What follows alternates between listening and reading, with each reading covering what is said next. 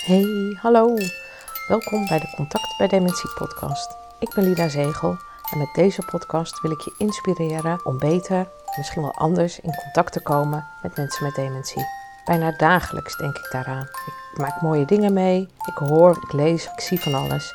En alles wat ik daar uithaal of hoe ik erover denk, wil ik met jou delen. En dan hoop ik jou ook te inspireren en uit te dagen om eens op een andere manier naar contact maken te kijken en misschien ook te gaan doen. Hey, hallo. Ik had net toch de zenuwen. Gewoon omdat ik even dacht: oh mijn hemel, hoe moet ik dat allemaal morgen voor elkaar krijgen? En als ik dit moet en dat moet en zus moet en zo moet en waarom dit en waarom dat? En mijn hoofd sloeg op hol. En toen dacht ik ook meteen aan de doelgroep waar we mee te maken hebben: mensen met dementie. Want hoe vaak krijg ik, of krijg jij, of wij niet te horen of te zien dat mensen gewoon helemaal zenuwachtig worden van alles wat ze voorgeschoteld krijgen? Toen dacht ik, ja, dat is eigenlijk wel een goed onderwerp om het ook eens over te hebben. Naar aanleiding van mijn, mijn eigen hoofd, wat even dacht van, oh jee, en ik moet nog dit en ik moet nog dat en ik wil nog zus en ik wil nog zo. Van alles alweer in mijn hoofd. En meteen ook allerlei blokkades en bieren zien. Ja, dat is niet goed. Dus toen dacht ik, oké, eerst even ademhalen, even bedenken. Wat is er nu werkelijk? Even bellen, even vragen. En in dit geval ging het over wat ik de volgende dag zou moeten doen voor mijn werk. Dan krijg ik alvast een lijst. En normaal zitten tussen de 16 en 20 mensen die ik dan ochtends zie, waar ik langs moet. Vanochtend had ik maar heel weinig, had ik maar 13, heb ik er nog 6 van een ander overgenomen. Dus zeg maar zoiets. En nu heb ik er in één keer 26. Dat is wel heel veel. Dus ik kreeg helemaal de zenuwen ervan. Cijfers en getallen doen helemaal niet ter zake, maar het gaat er meer om dat ik me ineens besefte van, oh jee, ik denk dat ik de grip verlies. Terwijl ik het net allemaal zo lekker ging. En als ik dan bedenk hoe het zal zijn als je brein hapert. Ik zie sommige mensen voor me die zeggen: Maar wat is de bedoeling? Wat moet ik doen dan? Ik weet helemaal niks. En waarom weet ik niks? Dan denk ik: Ja, dat is het ook. Dat is ook waar ik nu last van heb.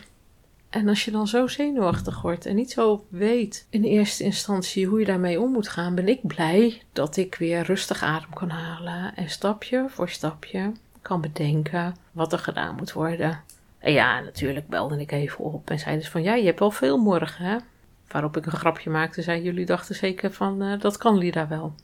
Maar in werkelijkheid was het, vloog het natuurlijk wel even aan. En toen zeiden van nee joh, je belt gewoon eventjes op hoe het met je gaat. En dan, uh, dan kunnen we altijd wel weer kijken. En dan kan, zijn mensen bij je in de buurt en die kunnen je helpen. En die geruststelling had ik even nodig doordat ik dat meemaakte, dacht ik van ja, dat is ook wat wel een belangrijke boodschap is. En wat ik ook al heb verteld met hoe je het doet met contact maken. Het stapje voor stapje doen. Want als we zeggen over contact maken, dan is dat ook stapje voor stapje. Het fragmenteren, het uit elkaar halen. Eerst eens even rustig gaan zitten. Dat is ook meestal wat ik tegen mensen zeg. Ga eerst maar eens even rustig zitten. Oké, en haal eerst eens even adem. En ga dan eens bedenken, wat is er nou aan de hand? En dat moest ik zelf natuurlijk ook even doen nu net. Dus dat heb ik gedaan. En toen dacht ik, ja, maar ik moet wel opschieten, want ik heb zo meteen nog een afspraak. En nou wil ik dat snel inspreken, maar dat is natuurlijk ook niet handig. Oké, eerst weer een stapje terug. Stapje terug naar mezelf. Hoeveel tijd heb je dan nog? Kan je dat? Kan je dat niet? Kan het niet? Schrijf je het op. Kan het wel? Ga je rustig zitten. Zoals ik het nu vertel, klinkt het allemaal heel logisch en heel normaal. En oh, misschien denk je wel van, oh, wat goed dat je dat kan. Maar tussen dat, oh, wat goed dat je dat zo doet, en daarvoor zit best wel een groot verschil. En dat is toch wel even die paniek. En even die angst en even dat schrikken. En zie jij dat wel eens bij mensen om je heen, die dan even schrikken en denken van, oh, maar hoe moet ik dat allemaal doen? En wat is nou het beste en wat kan ik nou het beste doen? Dan is het handig om even stil te staan eerst stil te staan voordat je terugkijkt of verder kan kijken. Maar eerst even stil. Even ademhalen, even rust, even bedenken. Wat moet er gebeuren? Zucht. Wat kan ik je daar nou aan meegeven? Ik heb het al een paar keer gezegd dat je dat alles uit elkaar moet halen van wat iemand tegenkomt. Of als je iemand tegenkomt die de paniek in de ogen heeft of boos wordt omdat er geen grip meer is. Want dat is natuurlijk de volgende stap. Dat als je die grip verliest en denkt van ik weet het allemaal niet meer, wat moet ik nou allemaal? Dat je daar zelfs boos om kan worden. Of misschien verlam je wel, of ga je heel hard lachen. Iedereen kan daar weer anders op reageren. En als je dat constateert bij een ander, geef dat dan ook terug. Ik had een tijdje geleden, volgens mij heb ik dat ook wel verteld, dat ik last had van mijn hormonen. Of het juist niet hebben van hormonen. Het afkicken van hormonen.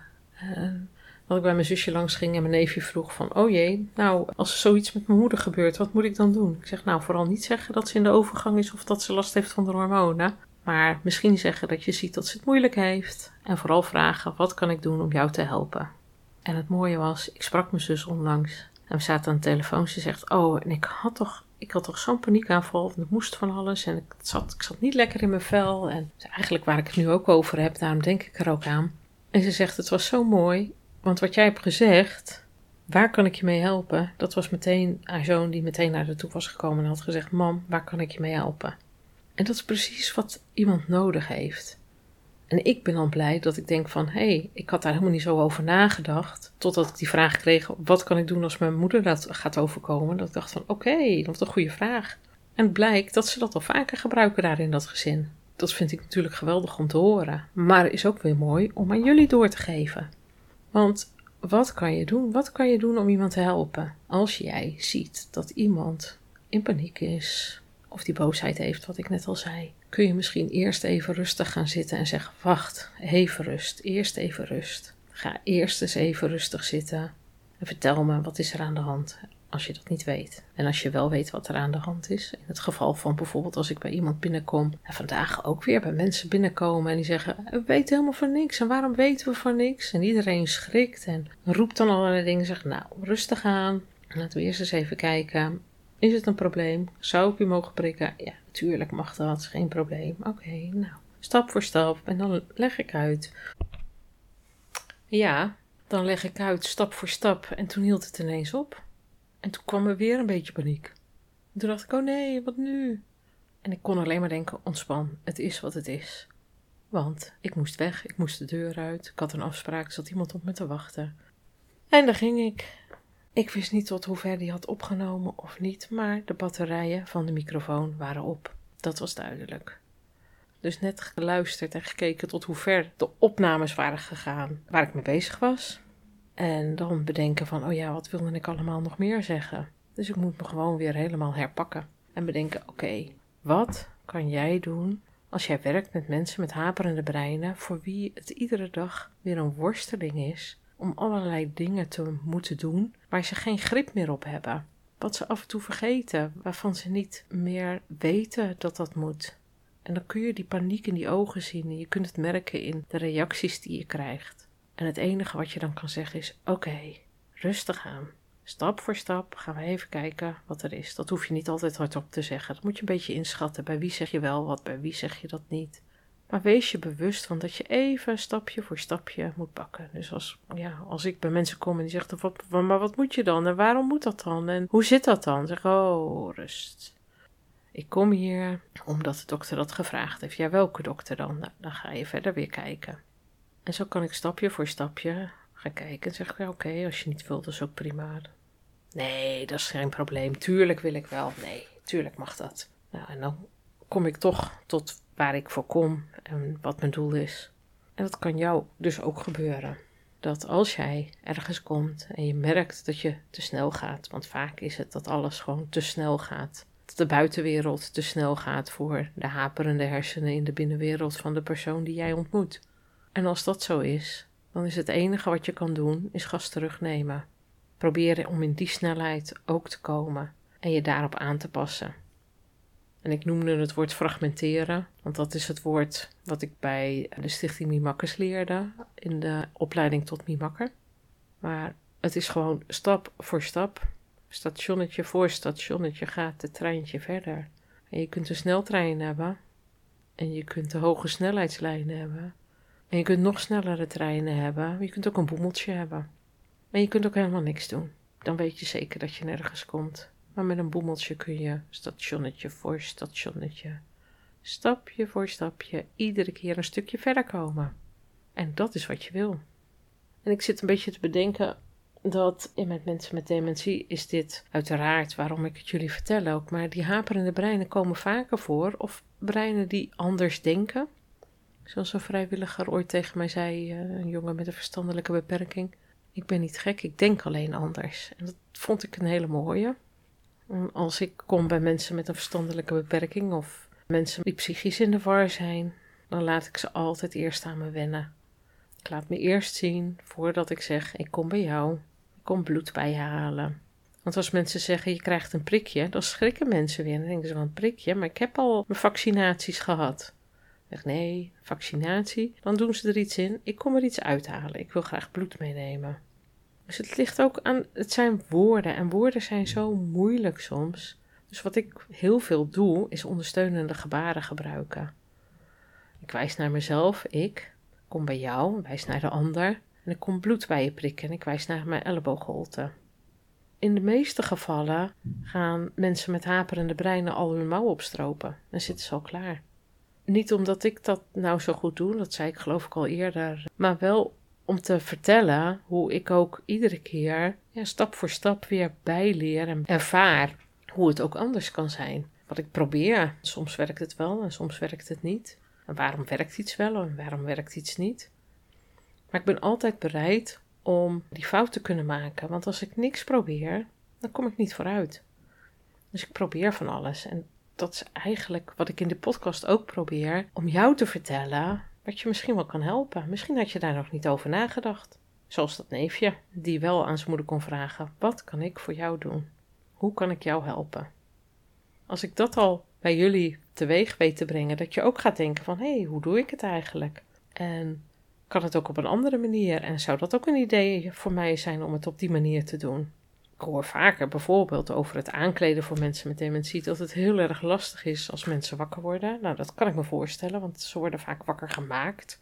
Of ze worden op een onhandige tijd wakker. Dat het juist weer niet handig is omdat het personeel dan al bezig is of er nog niet is. Of...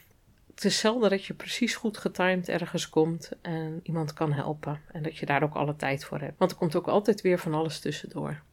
Maar wees je bewust van dat als je naar iemand gaat, laat even wennen. Zeg even goedemorgen. Kan ik het gordijn open doen? Laat iemand eerst even wennen. En het klinkt alsof je dan heel erg moet gaan vertragen. En dat is ook zo als je altijd gewend bent om te rennen en de deur open te gooien, goedemorgen te roepen, het licht aan te doen en de gordijnen open te doen. Dan is dat inderdaad veel langzamer misschien wel.